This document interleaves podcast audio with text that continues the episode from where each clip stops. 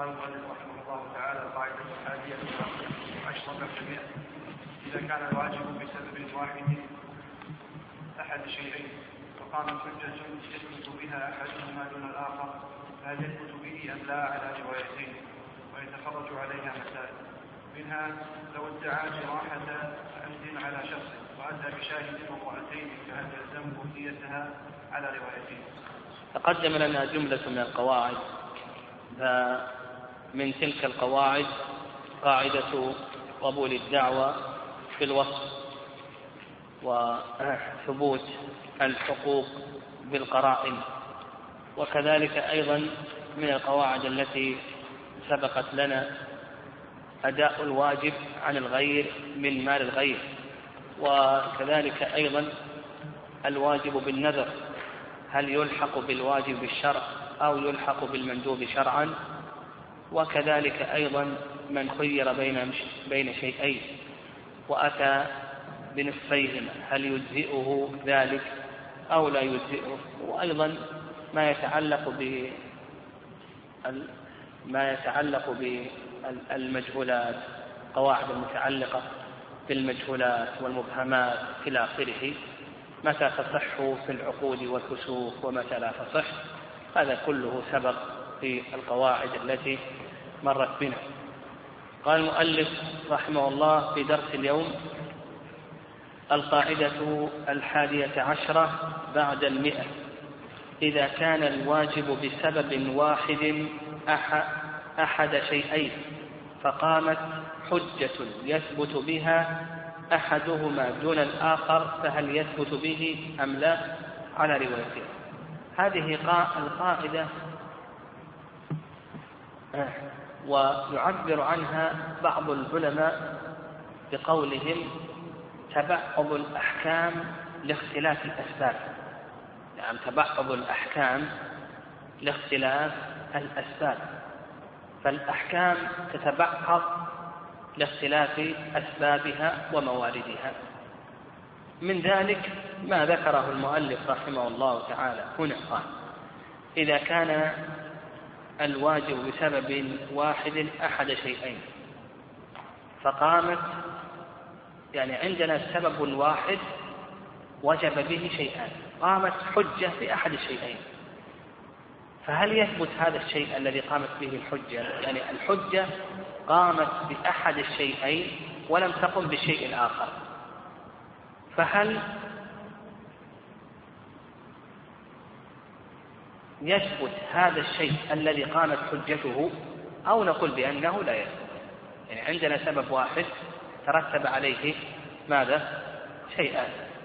قامت الحجة بأحد الشيئين دون الآخر. فيقول لك المؤلف رحمه الله ما دام أن الحجة قامت بأحد الشيئين دون الآخر فإنه يثبت هذا الشيء. وهذا من باب تبعض الأحكام. ومثل المؤلف رحمه الله من الأمثلة على ذلك.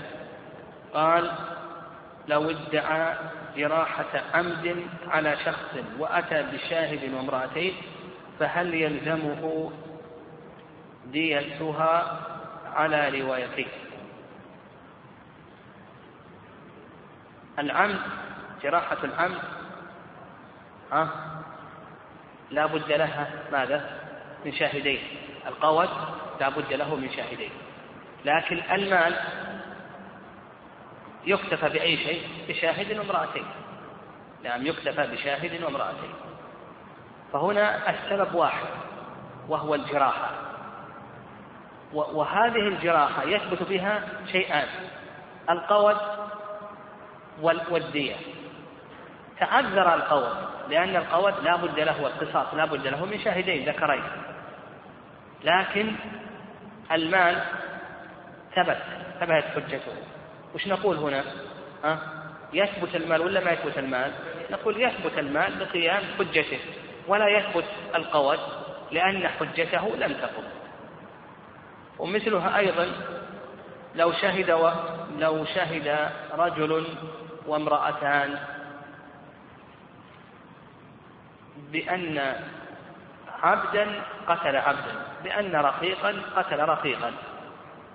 الرقيق يقاد بالرقيق أو لا يقاد به يقاد به. فهذا القتل العمد القتل سببه واحد السبب واحد وهو القتل. يثبت به شيئان القود والدية. القود لا بد له من ذكرين من شاهدين. ذكرين. وأما المال فإنه يثبت لرجل وامرأة فنقول تثبت قيمة هذا العبد المقتول لكن بالنسبة للقود لا يثبت. ومثله أيضا لو شهد رجل وامرأتان لأن هذا الرجل قد سرق سرق من الحلم فالسرقة يثبت بها ماذا؟ أمران القطع والمال. القطع تعذر لأنه لا بد من ذكرين. لا بد من ذكرين. المال يثبت برجل وامرأة. وعلى هذا على هذا فقس. نعم. وهذه كما ذكرنا تبعض الأحكام باختلاف الأسباب والموارد. قال المؤلف رحمه الله القاعدة الثانية عشرة الثانية عشرة بعد المئة. إذا اجتمع للمضطر محرمان كل واحد منهما لا يباح بدون الضرر. وجب تقديم أخفهما مفسدة وأقلهما ضررا لأن الزيادة لا ضرورة إليها فلا تباح ويتخرج على ذلك مسائل. هذه القاعدة ارتكاب أخف المحرمين عند التزاحم. القاعدة هذه ارتكاب أخف المحرمين عند التزاحم. يعني إذا تزاحم عند الشخص محرمان لا بد أن يرتكب أحدهما. ها فنقول يقدم ماذا؟ يقدم أخف المحرمين أخفهما والعلة في ذلك قال لك المؤلف لأن الزيادة لا ضرورة لا ضرورة إليها فلا تباح. الزيادة محرمة لا ضرورة إليها فلا تباح. وضده تزاحم المفاسد يرتكب الأدنى من المفاسد. والعلة كما علل المؤلف رحمه الله قال لك لأن الزيادة في المحرم الثاني لا حاجة إليها فلا تباح. نعم لا تباح. الأصل أنها محرمة لا تباح. ويتخرج على ذلك مسائل. قال لك لو وجد المحرم ميتة وصيدا. المحرم وجد ميتة وصيدا.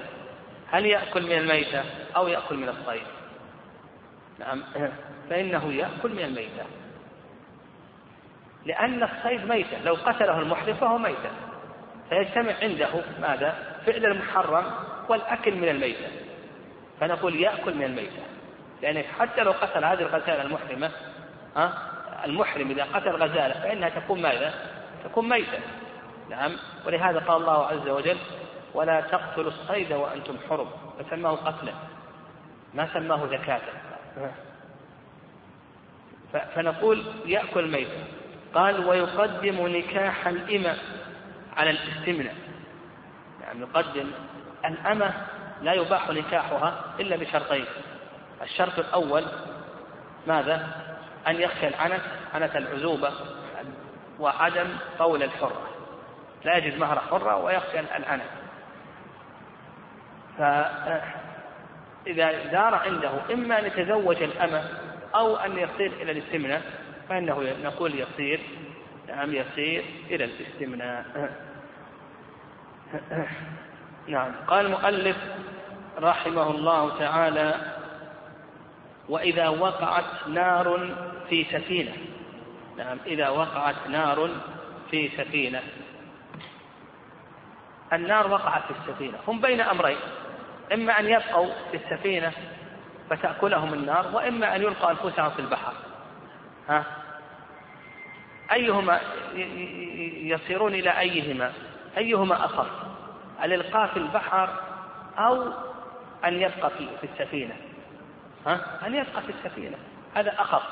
يعني ربما أن السفينة تطفى النار تطفى ربما أنه إلى آخره. لكن كونه يلقي نفسه في البحر هذا محقق الهلاك. يعني ثم قال المؤلف رحمه الله القاعدة الثالثة عشرة بعد المئة. إذا وجدنا جملة ذات عدد موزعة. على جملة أخرى. فهل يتوزع أفراد الجملة الموزع على أفراد الأخرى إلى آخره؟ هذه القاعدة. إذا كان هناك جملة ذات عدد إذا كان هناك جملة ذات عدد. فهل تتوزع أفراد هذه الجملة على أفراد الجملة الأخرى أو على جميع الجملة. إذا كان هناك جملة ذات عدد فهل توزع أفراد الجملة الموزعة على أفراد الأخرى؟ يعني على الجملة أو على كل فرد منها؟ يعني هل إذا كان عندنا جملة ذات عدد هل نوزعها على جملة أو على مجموع الجملة الأخرى أو على كل فرد؟ كل فرد يقابل كل فرد. هذا أراد المؤلف رحمه الله في هذه القاعدة. وهذه القاعدة تنقسم إلى قسمين. يعني تنقسم إلى قسمين. القسم الأول القسم الأول أن يوجد عندنا جملة ذات عدد موزعة على جملة أخرى ذات عدد. أن يوجد عندنا جملة ذات عدد موزعة على جملة أخرى ذات عدد؟ ووجد قرينة تدل على تخصيص وجد قرينة تدل على تخصيص كل فرد من أفراد الجملة الموزعة. وجد قرينة. تدل على تخصيص كل فرد من أفراد الجملة الموزعة بفرد من أفراد الجملة الأخرى. وجدت قرينة تدل على تخصيص كل فرد من أفراد الجملة الموزعة بفرد من أفراد الجملة الأخرى فإنه يعمل بهذه القرينة. فعندنا الآن جملة ذات عدد موزعة على جملة ذات عدد. وجدنا قرينة تدل على أن كل فرد من هذه الجملة مخصص بالفرد الآخر من الجملة الأخرى. إيش نقول هنا؟ نقول ما دام انه وجدت القرينة ها؟ فإننا نحمل هذه القرينة. ونخصص كل فرد من هذه الجملة بالفرد الآخر من الجملة الأخرى دلت عليه القرينة مثال ذلك نعم مثال ذلك. قال لك المؤلف رحمه الله تعالى قال لك الأولى أن يوجد قرينة إلى آخره إلى أن قال نعم مثله أن يقول لزوجتين إن أكلتما هذين الرغيفين فأنتما طالقتان فإذا أكلت كل واحدة منهما رغيفا طلقتا. قال لزوجتين إن أكلتما هذين الرغيفين الرغيفين إن أكلتما هذين الرغيفين فأنتما طالقتان. فإذا أكلت كل واحد منهما رغيفا طلقتا. لأن القرينة دلت دلت على تخصيص كل زوجة برغيف. نعم دلت على تخصيص كل زوجة برغيف. لأنه كما قال المؤلف رحمه الله تعالى لاستحالة ما سواه. نعم لاستحالة ما سواه. فإذا أكلت الزوجة الأولى الرغيف الأول وأكلت الزوجة الثانية الرغيف الثاني ها؟ فإنهما تطلقان نعم تطلقان فإذا أكلت كل واحدة منهما رغيفا طلقتا قالت قال القرينة لاستحالة أكل كل واحدة للرغيفين. ها؟ أي نعم. لأن كل واحدة خصص لها رغيف. نعم كل واحدة. لها رغيف نعم. اي نعم هذا هو المقصود. ومثلها أيضا قال لك أو يقول أو يقول لعبدين إن رك إن ركبتما أو لبستما ثوبيكما أو تقلدتما سيفيكما أو اعتق أو اعتقلتما رمحيكما أو دخلتما بزوجتيكما فأنتما حران نعم. هذا يحصل حتى. دخلتما بزوجتيكما نعم فأنتما حران فإذا دخل كل واحد من العبدين بزوجته فإنهما يعتقان. فالمقصود هنا أن يدخل كل واحد من العبدين بزوجته. لأنه يستحيل أن يدخل العبد الأول بزوجتين. هذا مستحيل. أو أن يلبس الثوبين أو أن يتقلد السيفين إلى آخره. فتلخص لنا في هذا القسم ماذا؟ أنه إذا وجدت قرينة تدل على تخصيص كل فرد من الجملة الموزعة على الجملة الأخرى بفرد من الجملة الأخرى فإنه يعمل بهذه القرينة واضح؟ طيب هذا القسم الأول القسم الثاني كالقسم الأول إلا أنه لا قرينة نعم القسم الثاني أن توجد جملة ذات عدد موزعة على جملة أخرى ذات عدد ولم توجد قرينة تعين المراد. لم توجد القرينة تعين المراد. فهل نعم.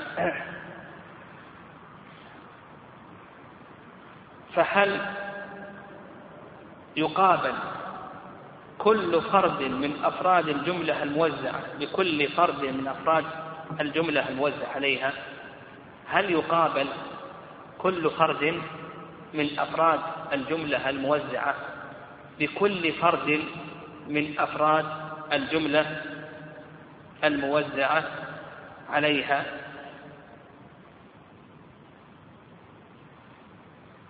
يقول لك المؤلف رحمه الله والقسم الثاني ألا يدل الدليل على إرادة أحد التوزيعين فهل يحمل التوزيع عند هذا الإطلاق على الأول أو الثاني في المسألة خلاف؟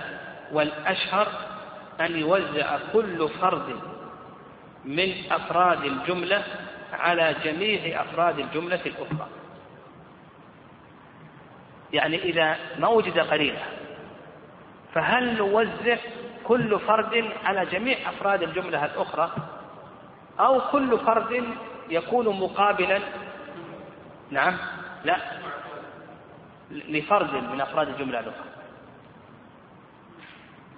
هل نقول إذا لم توجد قرينة إذا وجدنا جملة ذات عدد موزع على جملة أخرى ذات عدد ولم يوجد قرينة فهل نقول بأن الفرد موزع على جميع الأفراد أو كل فرد يقابل فردا آخر. واضح؟ نعم. يقول لك المؤلف رحمه الله فيه خلاف. فهل نقابل كل فرد من أفراد الجملة الموزعة بكل فرد من أفراد الجملة الموزعة عليها أو يوزع كل فرد من أفراد الجملة على جميع أفراد الجملة الأخرى؟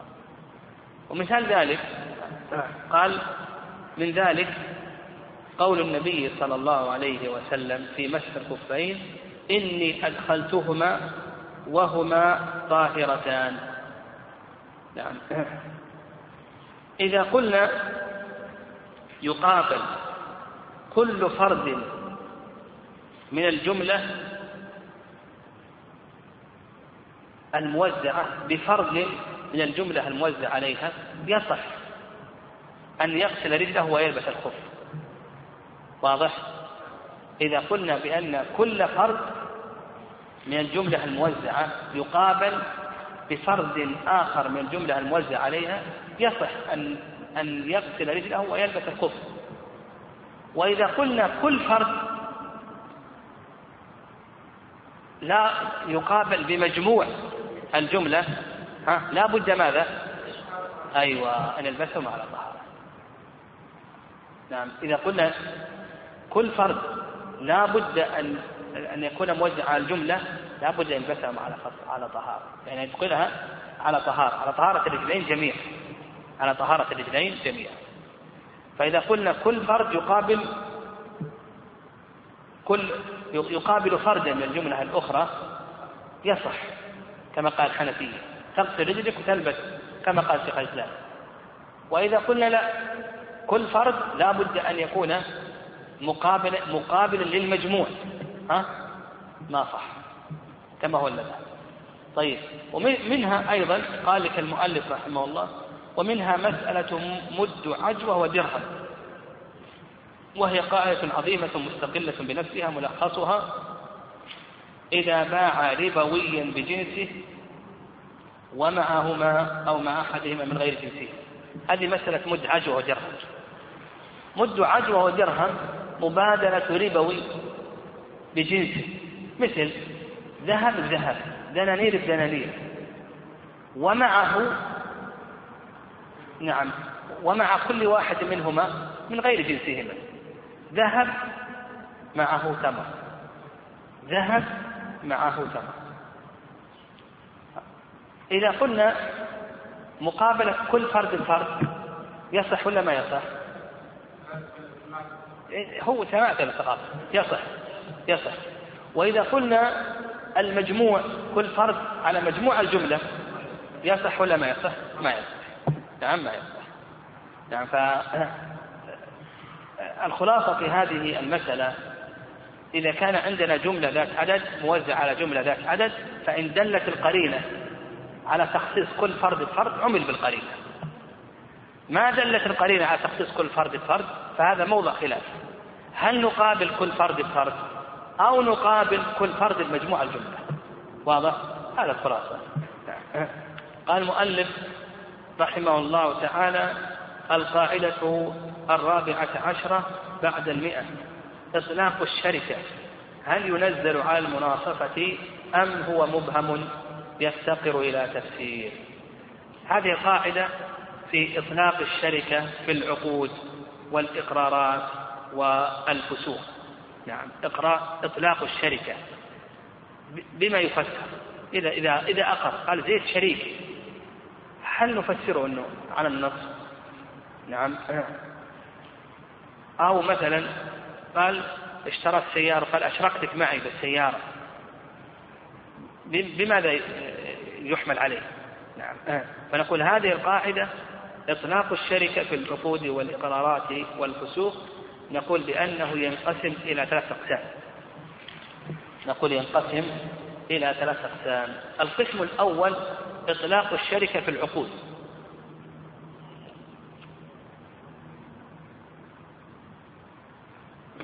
فيحمل على المناصفة. نعم يحمل على المناصفة. فمثلا لو أنه أشترى سيارة وقال لزيد أشركت معي في السيارة ها؟ يحمل على ماذا؟ المناصفة نعم أو عقد عقد مضاربة بينه وبين العامل فقال أنا وأنت شريكان نعم تعمل فيها يحمل على ماذا؟ المناصفة مناصفة الربح إلى آخره طيب القسم الثاني في الإقرارات. هل يحمل على المناصفة أو هو مبهم يحتاج إلى تفسير؟ هذا موضع خلاف والصحيح أنه مبهم. إذا أقر قال زيد شريكي نعم زيد شريكي فالصواب أنه مبهم ويحتاج إلى تفسير. ربما أنه شريك في النصف في الربع في الخمس يحتاج إلى تفسير. القسم الثالث في الكسوف نعم. في الطلاق. مثاله في الطلاق. لو مثلا قال طلق إحدى زوجاته ثلاثة ثلاثة ثم قال للزوجة الأخرى وأنت شريكة لها أنت شريكة لها. فإذا قلنا يحمل على المناصفة كم تطلق؟ ها؟ طلقة ونصف ما يمكن ها؟ إذا قلنا على المناصفة اثنتان وإذا قلنا أنه مبهم تطلق طلقة واحدة واضح؟ إذا قلنا بأنه مبهم تطلق طلقة واحدة وإذا قلنا بأنه آه، آه، مناصفة فإنها تطلق طلقتين لأن طلقة نصف نصف الطلقة لو قال هم يقولون لو قال لزوجته أنت طالق نصف طلقة أو سدس طلقة طلق عليه طلقة كاملة. نعم. طيب القاعدة الخامسة عشرة بعد المئة. يقول المؤلف رحمه الله تعالى الحقوق المشتركة بين اثنين فصاعدا نوعان. هذه القاعدة في التزاحم في الحقوق. يعني هذه القاعدة في التزاحم في الحقوق كما تقدم لنا التزاحم في المحرمات هذه القاعدة في التزاحم في الحقوق. نقول هذه تنقسم إلى قسمين. القسم الأول القسم الأول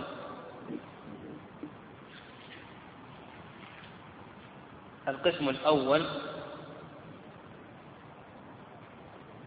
أن يكون صاحب الحق. إذا انفرد حاز جميع الحق. نقول القسم الأول صاحب الحق إذا انفرد حاز جميع الحق. وإذا لم ينفرد إذا لم ينفرد زاحمه غيره في الحق. هذا القسم الأول. القسم الأول أن يكون صاحب الحق إذا انفرد حاز جميع الحق. وإذا لم ينفرد ماذا؟ زاحمه غيره ممن يشاركه في الحق. زاحمه غيره ممن يشاركه في الحق. وهذا له أمثلة. قال لك المؤلف رحمه الله منها الشفعة الشفعة والصورة المسألة هؤلاء الخمسة شركاء في أرض. زيد باع نصيبه. الأربعة ماذا؟ لهم حق الشفعة زيد باع نصيبه على صالح. الأربعة الشركاء الباقون لهم حق الشفعة لو انفرد واحد أخذ جميع الشفعة لكن لو طالب كل منهم بالشفعة فإنهم يتزاحمون فيها على قدر أملاكه واضح؟ نعم. فإذا انفرد أحدهم بطلب الشفعة لا بد أن أن يشفع في كل النصيب. ما يمكن أن يشفع في بعض النصيب لأن هذا في ضرع المشتري إلا إذا رضي المشتري. وإذا ما انفرد شاركه الآخرون في طلب الشفعة فإنهم يزاحمونه. طيب هذه قال لك وغرماء المفلس غرماء المفلس. والمفلس من هو؟ المحجور عليه. المحجور عليه. الذي دينه أكثر من ماله. فهذا إذا كان غرماؤه خمسة يتزاحمون في ماله. يتزاحمون في ماله. ماله خمسون ألف وما عنده وعليه من الديون مئة ألف. يتزاحمون فيه. لكن لو خرج واحد من الغرماء لا أريد. ها؟ لو خرج الغرماء إلا واحد فإنه يأخذ كل نصيبه يأخذ جميع حقه. لكن إذا زاحمه غيره ها فإنهم إذا زاحمه غيره فإنهم يتزاحمون ويقسم المال عليهم بالقسط. يدخل النقص عليهم جميعا كالعون نعم. قال والأولياء. نعم. الأولياء يتزاحمون في عقد النكاح. مثلا عندنا ثلاثة أبناء ثلاثة إخوة أشقة يتزاحمون. وإذا لم لم يطالب البقية فإن أحدهم يستقل به إذا طالب. نفرض أنهم ثلاثة إخوة أشقة كل منهم أراد أن يعقد لهذه المرأة يتزاحمون. لكن لو أن الأول والثاني خرج يبقى حق العقد لمن طلبه. طيب قال لك والعصبات. ها يتزاحموا في أي شيء؟ في الميراث. هلك هالك عن زوجة وخمسة أبناء. الزوجة تأخذ كم؟ الثمن. والأبناء يتزاحمون في الباقي. لو ترك بعضهم وأخذ البعض الآخر استقل فيه لكن لو طالب كل منهم فإنهم يتزاحمون في الميراث. قال ولو الفروض يتزاحمون هلك عن أربع زوجات وإبن. الزوجات يتزاحمن في أي شيء؟ في الثمن. قال والوصايا المزدحمة في عين. الوصايا المزدحمة في عين. الوصايا قاعدة في الوصايا. الوصايا ما ينسخ بعضها بعضا. لأنها تبرع بعد الموت. فلو قال مثلا وصيت في هذه السيارة لزيد قال هذا عام 1420 1425 قال وصيت بها لعمرو. 1430 قال وصيت بها لبكر. ها لمن تكون السيارة؟ للجميع يتزاحمون فيها. قال والغانمون. أيضا يتزاحمون في الغنيمة. والموقوف عليهم إذا قال هذه هذه المزرعة وقف على طلاب العلم يتزاحمون فيها وحد القلب الموروث إلى آخره يتزاحم فيه الورثة إلى آخره.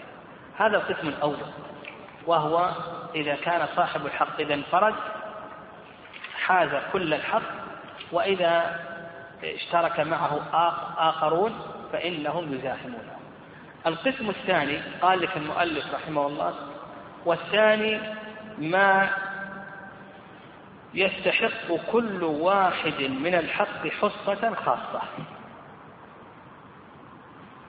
الثاني ما يستحق كل واحد من الحق حصة خاصة بحيث أنه لو شاركه غيره ما يتغير نصيبه. نعم لو شاركه غيره ما يتغير نصيبه. يستحق حصة خاصة. لو شاركه غيره لا يتغير نعم لا يتغير نصيبه. نعم. وهذه تنقسم إلى إلى قسمين تمليك بعوض وتمليك بغير عوض. هذه نوعان هذا القسم نوعان تمليك بعوض وتمليك بغير عوض. تمليك بعوض قال لك المؤلف رحمه الله مثل أن يبيع من رجلين عبدا. نعم. أن يبيع من رجلين عبدا أو عبدين بثمن واحد فيقع الشراء بينهم نصفين هذا الرجل باع عبدا على رجلين. ها؟ كم حصة كل واحد منهم؟ النصف. لو ترك أحدهما البيع هل يتغير نصيب الآخر ولا ما يتغير؟ يتغير ولا ما يتغير؟ ما يتغير. هذا رجل باع على رجلين عبدا لكل واحد منهما الآن النصف لو أن أحدهما ترك البيع خرج بإقالة هل يتغير نصيب الآخر أو لا؟ ما يتغير هو النصف ها؟ هو النصف ما يتغير ما نقول بأنه لما خرج شريكه من هذا البيع بأنه يحوز بقية الحق نعم واضح؟ نعم. هذا تمليك بعوض. القسم الثاني تمليك بغير عوض قال لك المؤلف رحمه الله. والحالة الثانية أن يكون بغير عوض مثل أن يهب لجماعة شيئا أو يملكهم إياه عن زكاة أو كفارة مشاعا فقياس كلام الأصحاب في التمليك أنهم يتساوون في ملكه. لو وهب هذه السيارة لخمسة يملك كل واحد منهم الخمس. يعني متساوون في هذا لكن لو أن بعضهم رد هذه الهبة هل يتغير نصيب من لم يرد الهبة أو لا يتغير؟ يتغير ولا ما يتغير؟ يقول ما يتغير. وهب خمسة. أعطى هؤلاء الفقراء هذه السيارة خمسة. وهبهم إياها. كل واحد منهم يملك خمسها الأول رد والثاني والثالث والرابع. بقي الأخير ما رد. كم يملك من السيارة؟ الخمس. ما يتغير نعم. قال المؤلف رحمه الله القاعدة السادسة عشرة بعد المئة. هذه قاعدة في وقت ثبوت الملك إذا استند إلى سبب. هذه القاعدة في وقت ثبوت الملك إذا استند إلى سبب. إذا استند الملك إلى سبب. متى يثبت الملك؟ هل يثبت الملك وقت انعقاد السبب؟ أو من حين ثبوت الملك؟ يعني متى نحكم بالملك. هل نحكم بالملك من حين انعقاد السبب أو نحكم بالملك من حين ثبوت الملك؟ واضح؟ هذه القاعدة ذكر لها المؤلف رحمه الله تعالى المؤلف رحمه الله تعالى ذكر لها قسمين. القسم الأول القسم الأول أن يتأخر ثبوت الملك عن السبب. أن يتأخر ثبوت الملك عن السبب. فيعتبر حكم الملك من حين ثبوته يعني من حين ثبوت الملك. نقول القسم الأول أن يتأخر ثبوت الملك عن السبب. فيعتبر حكم الملك من حين ثبوته. وذكر المؤلف رحمه الله لذلك أمثلة. ذكر أمثلة. قال لك ملك الموصى به. ملك الموصى به. الموصى له هل يملك الموصى به عند الموت أو عند القبول؟ ها؟ إذا قلنا هل هل يثبت له حكم الملك؟ يعني حكم الملك. هل يثبت عند الموت أو عند القبول؟ هو عند الموت حصل السبب ولما قبل تم الملك. هو ما في إشكال ما يحصل إلا بعد الموت. قبوله ما يكون إلا بعد الموت. نعم الموصى له لكن الآن الموصى له قبل بعد الموت. يعني ما في إشكال. هل نحكم بأن الملك حصل له؟ ولما الآن الموصي مات يوم الثلاثاء وقبل يوم الجمعة. أحكام الملك هل تثبت يوم الثلاثاء ولا يوم الجمعة؟ هذا اللي أراد أن يبينه المؤلف. من حين وجود السبب أو نقول بأنه أنها تنعطف كما قال المؤلف ينعطف من حين وجود السبب أو أنه من حين تمام الملك. لما قبل تم الملك أحكام الملك هل تن هل تثبت أحكام الملك من حين وجود السبب أو أنها تثبت بتمام الملك؟ ها؟ أيوة. نعم. إذا قلنا من حين وجود السبب عمي إذا قلنا أنه من حين وجود السبب ما حصل منا يكون لمن؟ ها؟ للموصلة وإذا قلنا من أحكام الملك ثبتت من حين تمام الملك يكون أنما لمن؟ للورثة هذا اللي أراد المؤلف أن يبين لك هنا واضح؟ أي نعم فالموصى به هل نقول بأن أحكام الملك تثبت من حين وجود السبب؟ واضح؟ أو أنها تثبت بتمام الملك. الأحكام المترتبة على الملك. فإن قلنا المذهب يقولون بأنه أن أحكام الملك تثبت بتمامه بالقبول. نعم. وإذا قلنا بالموت ماذا؟ نعم بالسبب. هذا نعم. طيب. الثاني قال لك دية المقتول. دية المقتول. وهالكلام ذا اللي يتكلمون عليه العلماء ترى له ثمرة اختلاف كما تقدم في النماء وغير ذلك. يعني دية المقتول. يعني هذا ليس كلاما لفظيا وكلام معنوي. الآن دية المقتول. هذا رجل جرح يوم الثلاثاء. ومات يوم الجمعة. السبب متى حصل؟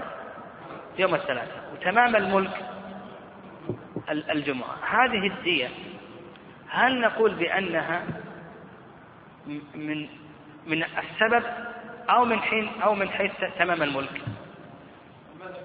إذا قلنا بأنها من حين تمام الملك تكون لمن الدية؟ للورثة. وإذا قلنا منها من حين السبب تكون لمن؟ للمجروح وش يترتب على ذلك ترتب عليه مسألة إذا قلنا بأنها للمقتول نفذ منها الوصايا من الدية ويقضى من الدية ديونه نقضي منها ديونه وننفذ منها وصاياه وإذا قلنا بأنها للورثة حيث على ملك الورثة ما له ما, ما نقضي منها ديون الميت ولا ننفذ وصاياه واضح؟ طيب. أيضا قال لك والفسخ بالعيب والخيار. الفسخ بالعيب والخيار. أيضا الفسخ بالعيب والخيار. العيب والخيار. هل الفسخ بالعيب والخيار هل هو رفع للعقد من أصله أو من حينه؟ رفع للعقد من أصله أو من حينه. سبب الفسخ وجد عند العقد. السبب عند العقد. وتمام الفسخ لما حصل العيب وفسخ إذا قلنا بأنه بأن الفسخ في العيب والخيار رفع لأصل العقد لمن يكون النمى؟ للبائع. وإذا قلنا بأنه ليس رفعا للأصل وإنما هو رفع من حينه من حين الفسخ يكون النمى لمن؟ للمشتري فالسبب الآن وجد عند العقد لكنه ما تم الفسخ إلا عند وجود العيب. نعم. عند وجود العيب وعند الخيار إلى آخره. عند الفسخ بالخيار والعيب. فهل فهل هو فسخ للعقد من أصله؟ إذا قلنا بأنه فسخ للعقد من أصله ها يكون لمن؟ يكون النماء للبائع. وإن قلنا بأنه فسخ له من حينه يكون لمن؟ للمشتري قال المؤلف رحمه الله قال لك وإذا انعقد سبب الملك في الحياة وتحقق بعد الوفاة. نعم سبب الملك في الحياة انعقد وتحقق بعد الوفاة. يعني هذا رجل نصب شبكة للصيد. ها؟ لا لا لا تابع الأمثلة القسم الأول. نعم تابع الأمثلة القسم الأول. نصب شبكة للصيد ومات ثم صادت. ها؟ هل الصيد هذا يحدث على ملكه ولا على ملك الورثة؟ ها؟ كما تقدم. اي نعم ها؟ هل يحصل على ملكه إذا قلنا بأنه يحصل على ملكه الصيد هذا نقضي منه دينه ونفذ وصاياه. وإذا قلنا بأنه يحصل على ملك الورثة ما نقضي منه دينه ولا نفذ وصاياه. ها؟ واضح وليس بواضح؟ طيب هذا هذا القسم هذا القسم الثاني. طيب القسم هذا القسم الأول. نعم القسم الأول. القسم الثاني القسم الثاني حقيقة ليس داخلا لكن المؤلف رحمه الله جابه تبع نعم. القسم الثاني العبادات. نعم. القسم الثاني العبادات التي يكتفى بحصول بعض شرائطها في وقتها. العبادات التي يكتفى بحصول بعض شرائطها في وقتها. إذا وجدت في أثنائها إذا وجدت في أثنائها فكما لو وجدت جميع الشروط. نقول القسم الثاني العبادات التي يكتفى بحصول بعض شرائطها في وقتها. فإذا وجدت في أثنائها يعني هذه الشرائط التي يكتفى بها فكما لو وجدت جميع الشروط. من الأمثلة على ذلك من الأمثلة على ذلك قال لك إذا نوى الصائم المتطوع إذا نوى الصائم المتطوع من أثناء النهار فهل يحكم له بحكم الصيام من أوله أو من حين نوى؟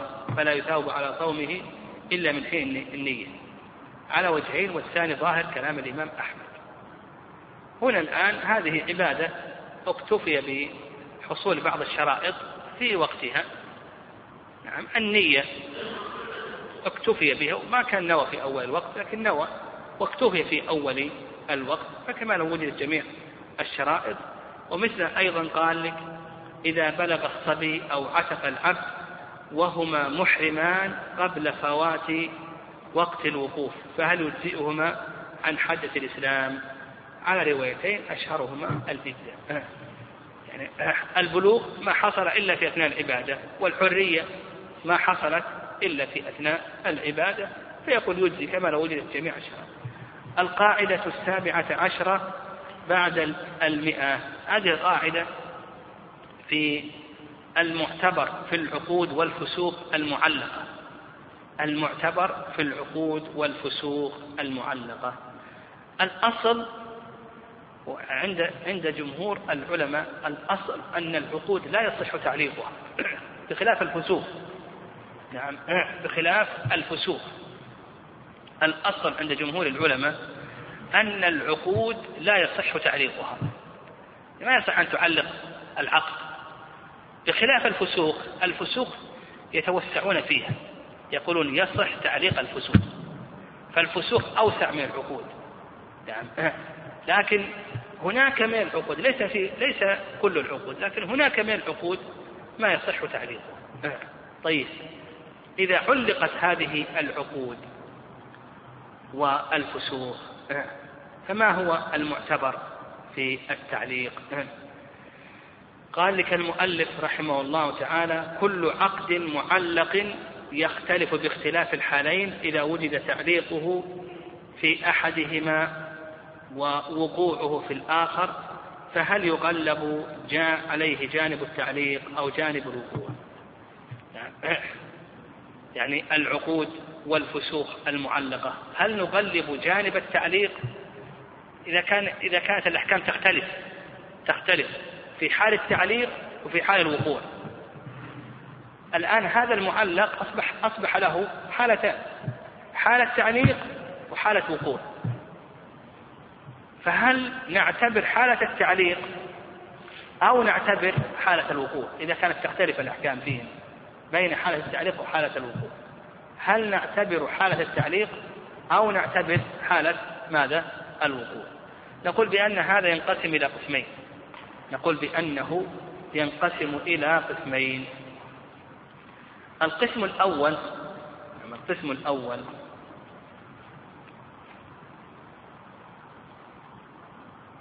كل عقد نعم القسم الأول كل عقد معلق يختلف باختلاف حالين.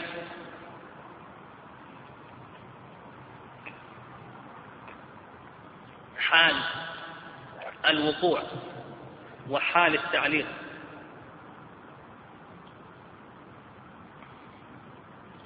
ولم يفضي أحدهما إلى ممنوع شرعا. ولم يفضي أحدهما إلى ممنوع شرعا. فالمعتبر هو حال الوقوع. المعتبر هو حال الوقوع. مثال ذلك نعم مثال ذلك. لو طل لو علق انتبه. لو علق طلاق زوجته على صفة ثم وجدت هذه الصفة في مرض موته مثلا قال إن كلمت زيدا فأنت طالق ثم كلمت زيدا وهو مريض مرض الموت إذا قلنا المعتبر حال التعليق ترث ولا ما ترث؟ ها؟ لا ترث وإذا قلنا المعتبر حال الوقوع ترث لأنه يعتبر طلقها في مرض موته ويعامل بنقيض قصده واضح؟ ها؟ وليس بواضح هل المعتبر حال التعليق ولا حال الوقوع؟ إذا قلنا المعتبر حال التعليق ما ترث لأنه طلقها في حال الصحة وإذا قلنا المعتبر حال الوقوع ها ماذا؟ نقول بأنها ترث لماذا؟ أيوة لأنه طلقها في مرض موته فيكون متهما بحرمانها مثل طيب مثال ثاني مثال آخر. كذلك أيضا قال لك المؤلف ومنها إذا علق عتق عبده في صحته بشرط فوجب في مرضه فهل يعتق من الثلث أو من رأس المال؟ نعم. إذا قال نعم إذا قال لعبده إذا كلمت زيدا فأنت حر. فكلمه وهو مريض مرض الموت. مريض مرض الموت. إذا قلنا المعتبر حال التعليق هل يعتق من جميع المال ولا من الثلث؟ ها؟ من جميع المال. لأنه في حال الصحة يكون من جميع المال. وإذا قلنا المعتبر حال الوقوع يعتق من أي شيء؟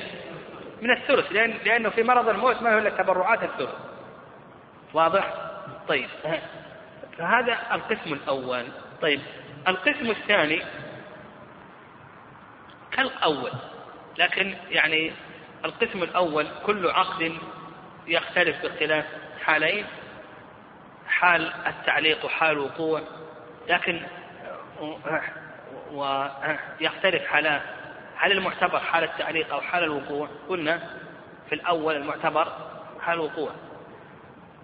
وقلنا في القسم الأول ما لم يفضي أحدهما إلى ممنوع شرعا هنا أفضى أحدهما إلى ممنوع شرعا نعم هنا أفضى أحدهما. كل عقد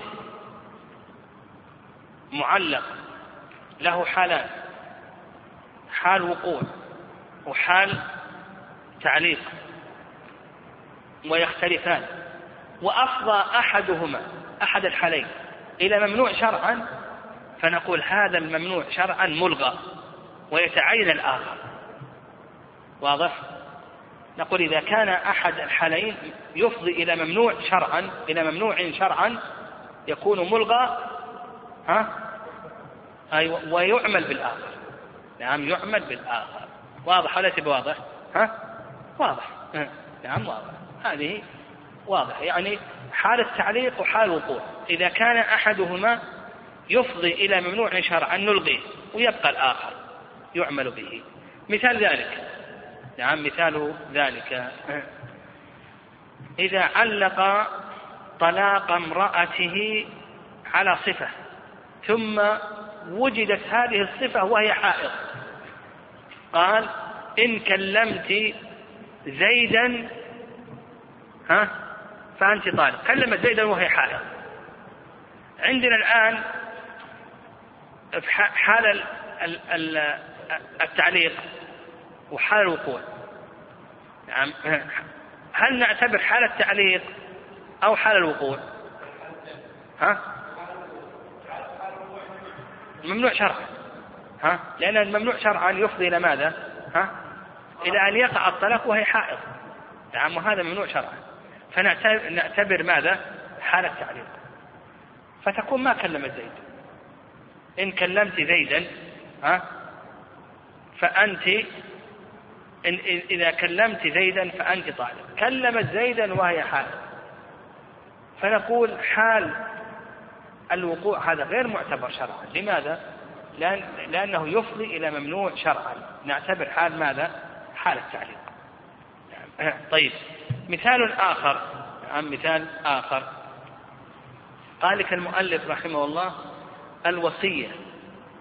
نعم الوصية. لمن هو في الظاهر وارث فيصير عند الموت غير وارث أو بالعكس. نعم أو بالعكس.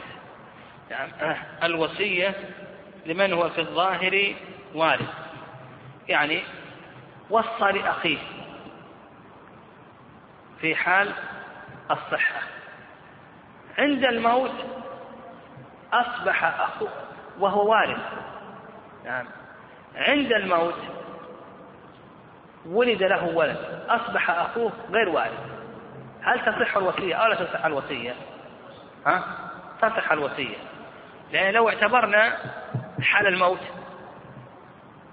لو اعتبرنا حال الوقوع الوقوع على الموت لو اعتبرنا لازم من ذلك أن أن تصح الوصية لمن؟ لوارث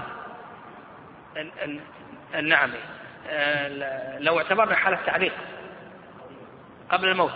إي نعم. هو الآن وصى لأخيه وهو غير وارث. عند الموت ولد له ولد. وصى لأخيه وهو وارث. عند الموت ولد له ولد. فأصبح أخوه غير وارث. هل المعتبر ما كان عند الموت عند الوقوع؟ أو المعتبر ما كان عند التعليق.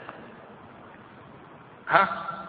نقول المعتبر ما كان عند الوقوع. نعم عند الوقوع. لأنه الآن أصبح ماذا؟ غير وارث. نعم أصبح غير وارث فتصح له الوصية.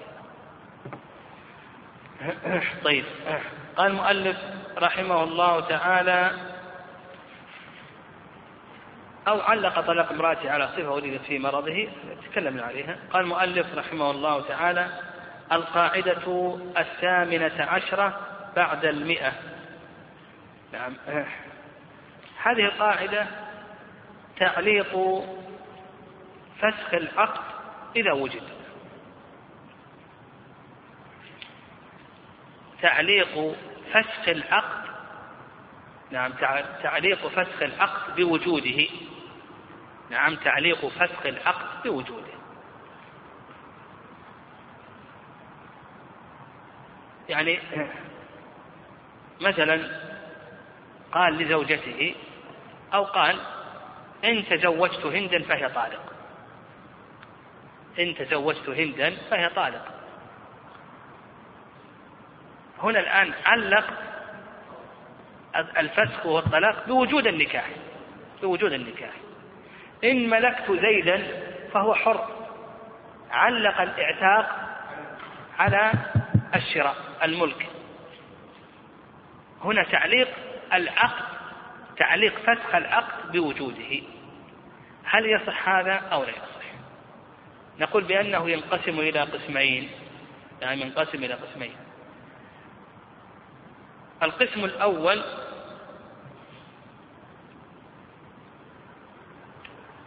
أن يترتب عليه مقصود أن يترتب عليه أن يترتب على تعليق فسق العقد على وجوده أن يترتب عليه مقصود شرعي. يقول القسم الأول أن يترتب على ذلك مقصود شرعي فيصح. مثال ذلك.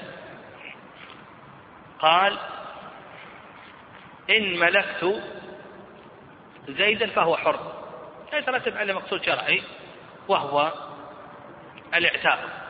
ترتب عليه مقصود شرعي وهو الاعتاق.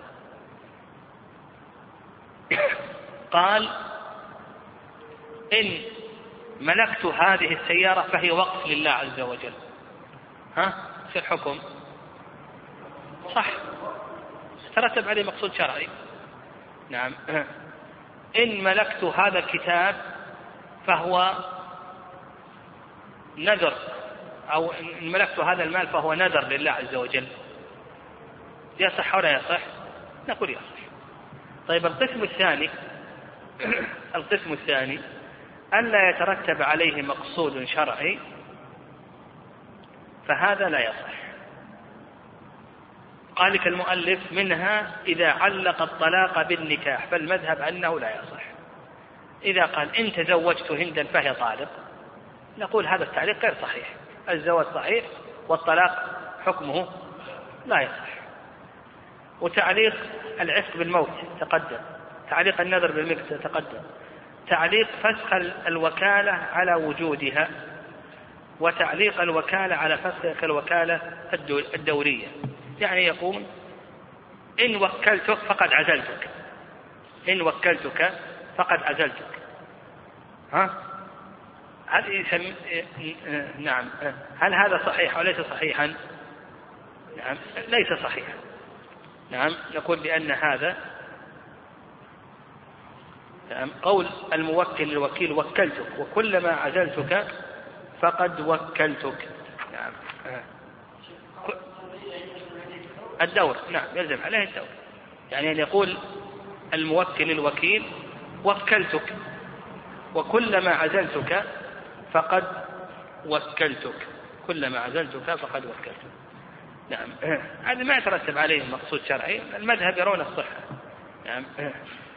وتعليق فسق البيع بالإقالة على وجود البيع. ها؟ تعليق فسخ البيع بالإقالة. إذا بعتك فقد أقل فقد أقلتك. نعم إذا بعتك فقد أقلتك. أو فسخت. نعم ما يصح هذا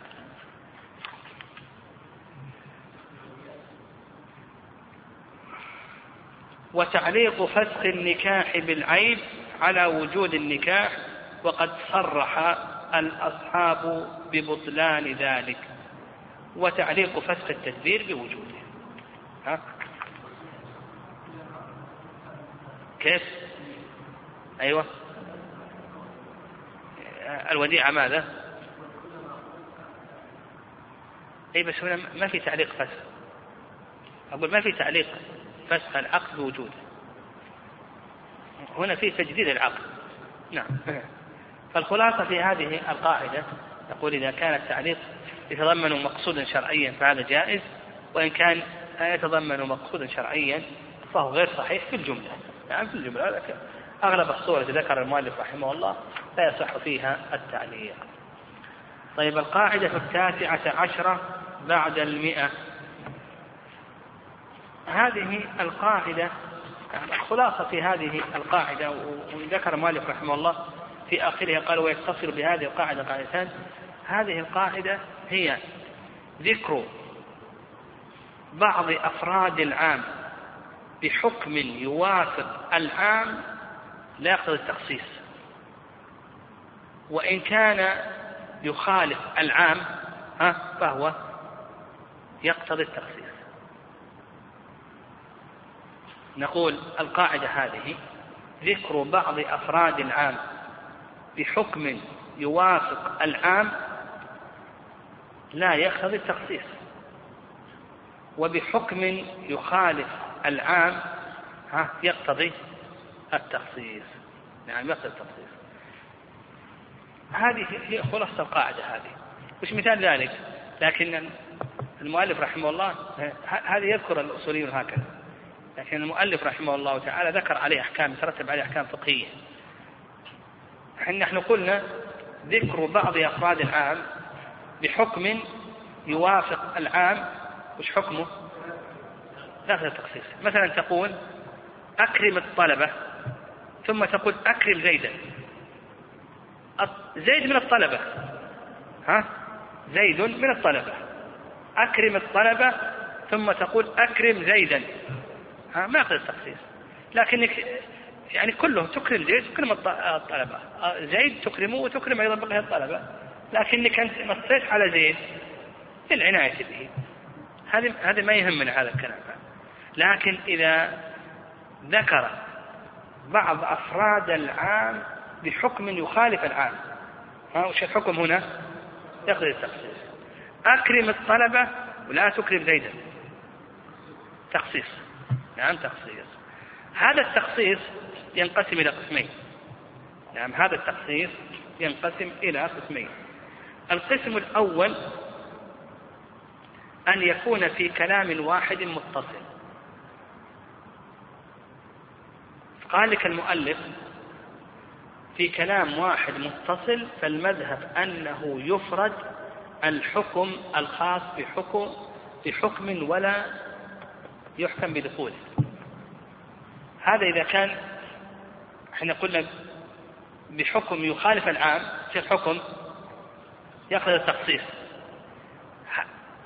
هذا الذي يخالف العام هذا الفرد الذي يخالف العام تحته قسمان القسم الأول أن يكون في كلام واحد متصل ها؟ فهذا لا يأخذ حكم العام. أن يكون في كلام واحد متصل. وش حكمه هنا؟ يأخذ حكم العام ولا ما يأخذ حكم العام؟ نقول لا يأخذ حكم العام. مثل وش مثاله؟ قال هذه الدار لزيد ولي منها هذا البيت.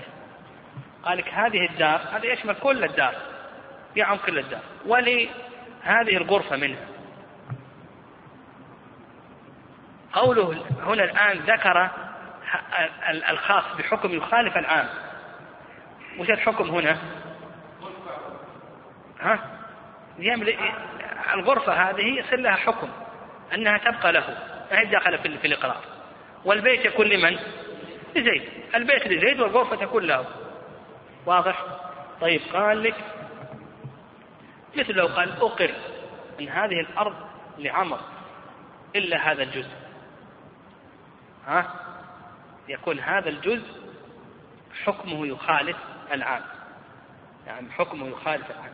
ومثله أيضا قال ولو وصى لزيد بشيء وللمساكين وهو مسكين فإنه لا يستحق مع المساكين من نصيبهم شيئا. طيب هذا إذا كان في كلام واحد.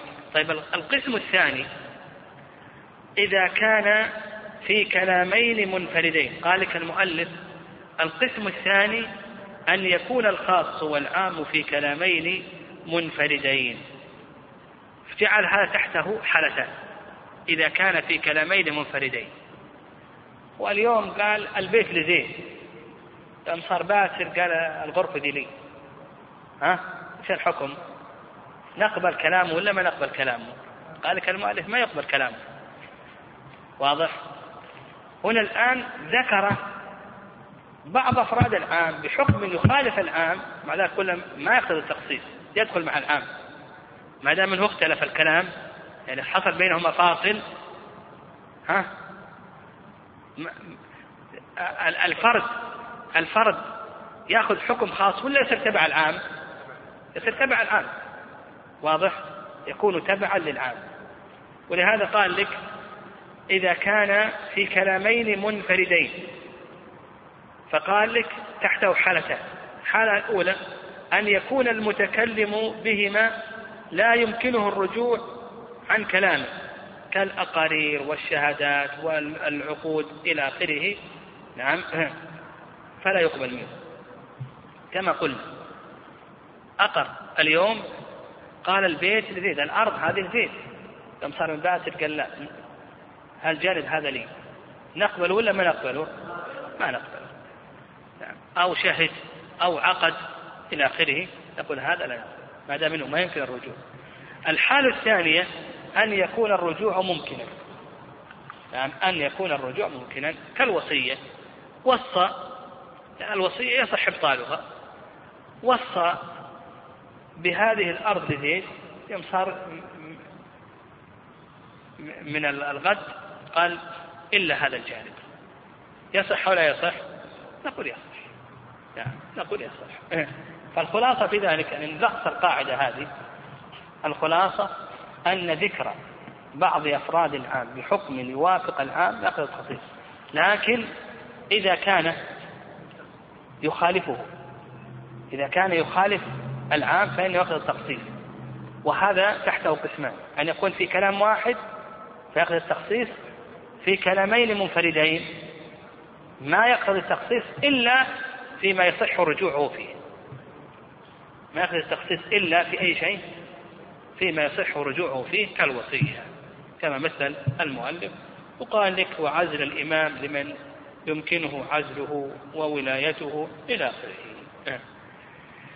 طيب في الأخير قال المؤلف ويتصل بهذه القاعدة قاعدتان. يتصل بهذه القاعدة قاعدتان. إحداهما إذا اجتمع في شخص استحقاق بجهة خاصة كوصية معينة وميراث واستحقاق بجهة عامة كالفقر والمسكنة فإنه لا يؤخذ إلا بالجهة الخاصة. هذه قاعدة. إذا اجتمع في الشخص جهتان جهة عامة وجهة خاصة. فنقول يأخذ بالخاصة ولا يأخذ بالعامة. اجتمع فيه جهة استحقاق عامة وجهة استحقاق خاصة فنقول بأنه يأخذ بالخاصة ولا يأخذ بالعامة. مثاله قال لك إذا أوصى لزيد بشيء ولجيرانه بشيء أوصى لزيد بشيء ولجيرانه بشيء وهو من الجيران. قال مئة ألف للجيران وخمسين ألف زيد. زيد من الجيران هو يأخذ خمسين ألف. لكن هل يأخذ مع الجيران ولا ما يأخذ مع الجيران؟ ها؟ قال لك المؤلف يأخذ بالخاصة بس ما يأخذ بالعامة. واضح؟ أو ليس بواضح طيب. قال لك ولو أوصى لزيد والفقراء وهو فقير. قال هذه مئة ألف للفقراء. وخمسين لزيد. يأخذ الخمسين. طيب الفقراء؟ قال أنا فقير أعطوه. ها؟ نعطيه ولا ما نعطيه؟ خلاص يكفيك خلاص فإذا اجتمع هذه قاعدة إذا اجتمع في شخص جهة استخصاص جهة استحقاق عامة وخاصة يأخذ بالخاصة فقط. نقدم الخاصة على العامة طيب هذه قاعدة. القاعدة الثانية إذا اجتمعت صفات في عين فهل يتعدد الاستحقاق بها كالأعيان المتعددة؟ المشهور أنها كالأعيان في تعدد الاستحقاق. يعني هذا الشخص اجتمع في عدة صفات ليست عامة وخاصة كما سبق وإنما عدة صفات خاصة عدة صفات خاصة. هل يستحق بكل الصفات الخاصة ولا ببعضها؟ ها؟ إيش نقول؟ بكلها بكلها. الأخذ من الزكاة بصفة الفقر. هو فقير وغارم وغازي وابن سبيل. يأخذ بهن كله. يعني يصح أنه يأخذ من الزكاة بناء على أنه مدين. قال أنا والله مدين. أعطوني. كم عليك؟ علي ألف دينار خذ ألف دينار. أيضا أنا فقير. ما عندي ثلاجة خذ ثلاجة. أيضا أنا مجاهد خذ. أيضا ابن سبيل خذ. واضح؟ ومثله أيضا الأخذ من الخمس. الخمس يكون في بيت المال في المصالح. يعني الأخذ من الخمس والصدقات المنذورة والفي والوقوف والإرث بأسباب متعددة. مثلا الخمس. قال أنا أنا من أنا من بني هاشم. نعطيه من الخمس. لأن لأن بني هاشم يأخذون من الخمس. قال أنا فقير. نعطيه من الخمس واضح؟ واعلموا أن ما غنمتم من شيء فأن لله خمسه وللرسول وذي القربى واليتامى والمساكين. أنا يتيم يعطى. ومثله الوقوف. إذا قال هذا وقف على طلاب العلم وعلى الفقراء. وهو طالب علم وفقير. نعطيه صفة طلب العلم ونعطيها أيضا صفة الفقر. وتعليق الطلاق كإن كلمت رجلا فأنت طالق وإن كلمت فقيها فأنت طالق وإن كلمت أسود فأنت طالق. فكلمت رجلا فقيها أسود. ها؟ كم تطلق؟ ثلاث ثلاث طلقات. ها؟ تطلق ثلاث طلقات. طيب. فالخلاصة في ذلك أنه إذا كانت جهات الاستحقاق عامة وخاصة يعطى بالخاصة. إذا كانت كلها خاصة يعطى بها كلها. هذا الخلاصة طيب. القاعدة العشرون. قال المؤلف رحمه الله تعالى يرجح ذو القرابتين على ذي القرابة الواحدة. ما لم تكن إحداهما لها مدخل في الاستحقاق. يعني الأصل أن ذا القرابتين يقدم على ذي القرابة الواحدة. يعني إلا قال لك المؤلف رحمه الله إذا إن كانت إن كانت القرابة آه، الزائدة لا تستحق شيئا في محل التقديم قال لك ما لم تكن إحداهما لها مدخل في الاستحقاق. المهم الخلاصة في القاعدة هنا أن ذا القرابتين ها أنه يقدم في الاستحقاق أن يقدم على ذي القرابة الواحدة في الجملة. يقدم على ذي القرابة الواحدة في الجملة. منها قال لك تقديم الذي لأبوين على الأب في الميراث. في الميراث. يقدم. أخ شقيق مع أخ لأب المال كله للأخ الشقيق. الولاء. نعم. الولاء. أخ شقيق للمعتق. مع أخ لأب للمعتق. المال يكون لمن؟ يعني هذا هذا شخص قد أعتق. ما وجدنا أحد يرثه لا من عصباته ولا من ذوي الفروض. يرثه معتقه طيب ما وجدنا المعتق؟ يرثه عصبة المعتق. وجدنا أخا شقيقا للمعتق وأخا لأب للمعتق. هذا أخ الشقيق طيب ولاية النكاح أخ شقيق وأخ لأب. يقدم الأخ الشقيق الصلاة على الجنازة يقدم الأخ الشقيق الوقف إذا قال هذا وقف على إخواني يقدم الأخ الشقيق. الوصية إذا وصى لإخوانه نقدم الأخ الشقيق. قال المؤلف القاعدة الحادية والعشرون بعد المئة في تخصيص العموم بالعرف. نعم. نعم هذه القاعدة والتي تليها والتي تليها. يعني عندنا تقريبا أربع قواعد أو خمس قواعد هذه كلها في العمومات ومخصصات العمومات نعم كلها سهلة يعني كلها قواعد سهلة. في تخصيص العموم بالعرف تحته ثلاث أقسام.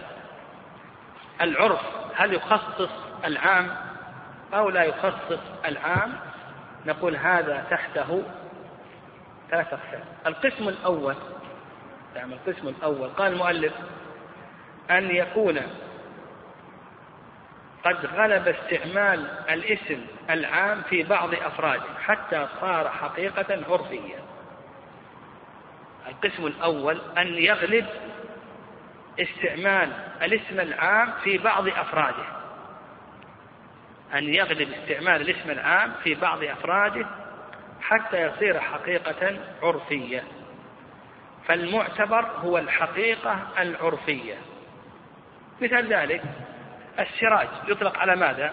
السراج لفظ عام يطلق على الشمس ويطلق على الذي يستضاء به لكن غلب على فرد من أفراده هذا العام وهو الذي ماذا؟ يستضاء به فنقول السراج اسم لأي شيء ها؟ لما يستضاء به لو قال والله آه، آه، آه، لأنظرن إلى السراج ثم نظر إلى الشمس هل وفى بيمينه ولا ما وفى؟ ما وفى لا بد أن ينظر إلى السراج الذي يستضاء به. أيضا مثله الوتد يطلق على الجبل ويطلق على ما يوضع في الجدار توضع عليه الثياب. السقف يطلق على السماء يطلق على سقف الحجرة إلى آخره. نعم. القسم الثاني القسم الثاني ألا يستعمل الاسم إلا مقيدا مضافا. فلا يدخل في الاسم العام. ألا يستعمل الاسم إلا مقيدا مضافا ها؟ فلا يدخل في العام. مثل مع الورد. نعم مع الورد. لو قال والله لأشربن ماء. ثم شرب ماء ورد. يبر ولا ما يبر؟ ما يبر. واضح؟ لو قال والله لآكلن تمرا ثم أكل تمر هندي. يبر ولا ما يبر؟ ما يبر. طيب. القسم الثالث والأخير. ما لا يدخل في الاسم العام غالبا إلا بقرينة. ولا يفهم دخوله إلا بقرينة. نعم.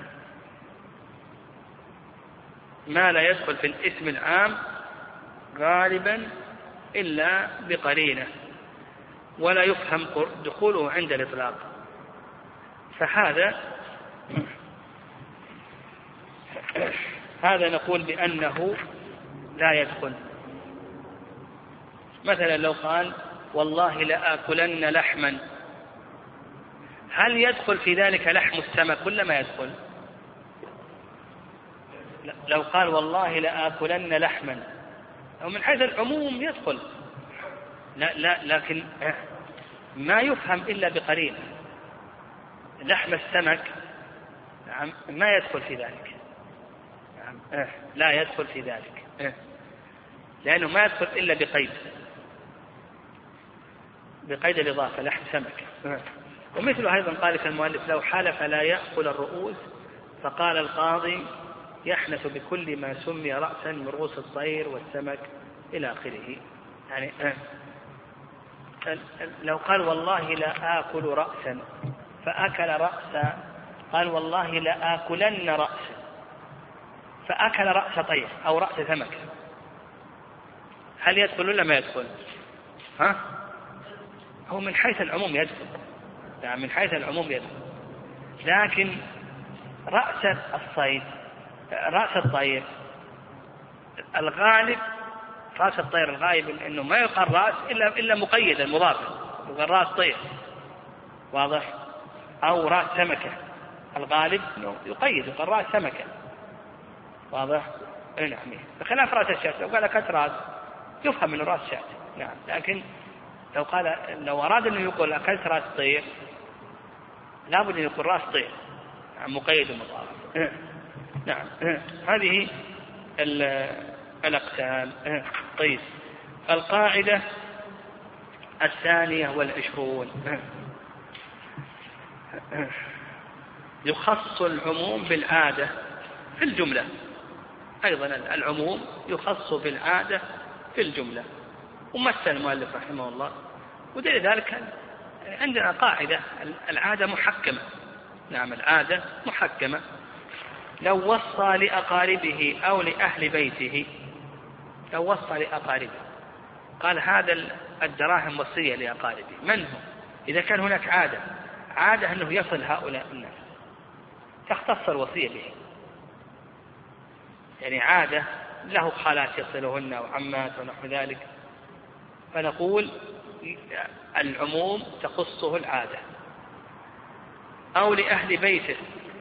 نعم. من يصلهم أو وقف على بعض أولاده. وله عادة أنه يصل بعض الأولاد. وهذا على القول بصحة الوقف على بعض الأولاد. ولا الصحيح أنه لا يصح. المشهور من المذهب أنهم يصححون الوقف على الذكور دون الأناثي وهذا غير صحيح. الصواب أنه لا يصح. المهم إذا كان له عادة فإن هذا العام تخصص به العادة. أو استأجر أجيرا لعمل مدة معلومة. العمل هذا يصير حسب العادة. نعم. يعني حسب العادة. العادة أنه يعمل من الصباح إلى الظهر ويستريح بعد الظهر يعمل بعد العصر حسب العادة. أو حلف لا يأكل من هذه الشجرة اختصت يمينه بما يؤكل منها عادة وهو الثمر لو قال والله لا آكل والله لا آكل من هذه الشجرة ثم أكل من ورقها هل يحدث ولا ما يحدث؟ تقول لا لأن العادة أنه ما يبقى الورق يؤكل ليؤكل الثمر مقصود ذلك الثمر دون ما لا يؤكل عادة كالورق والخشب. قال القاعدة الثالثة والعشرون بعد المئة. قال لعل نختم بها. قال ويخص العموم بالشرع في مسائل يعني في الجملة أيضا. العموم يخص بالشرع في مسائل يعني في الجملة. مثال ذلك نذر صوم الدهر لم يدخل في ذلك ما يحرم صومه من أيام السنة. إذا نذر صوم الدهر نقول الأيام التي يحرم صيامها كيوم العيد وأيام التشريق هذه ما تكون داخلة خاصة أو ما يجب صومه شرعا كرمضان غير داخل ومنها لو حلف لا يأكل لحما لم تتناول يمينه اللحم المحرم شرعا لو قال والله لا آكل لحما ثم أكل لحم خنزير يحمد ولا ما يحمد؟ ها؟ ما يحمد لأن هذا الشرع خصصه من العموم. أو وصى لأقاربه لم يدخل فيهم الوارثون ظاهر. أو وكله بتطليق زوجته لم يتناول الطلاق المحرم. لو قال وكلتك الطلاق زوجتي هل يملك أن يطلقها وقت الحيض؟ ما يملك. نعم لا يملك. هذا مخصوص بالشرع. هل يملك أن يطلقها ثلاثا؟ ها؟ يقول ما يملك. أو نذر اعتكاف شهر متتابع فله أن يعتكف في غير الجامع ويخرج للجمعة. لأن الجمعة مستثنات وإن قال متتابع لكن الجمعة نقول بأنها ماذا؟ مستثنات شرعا. وإن نص على التتابع.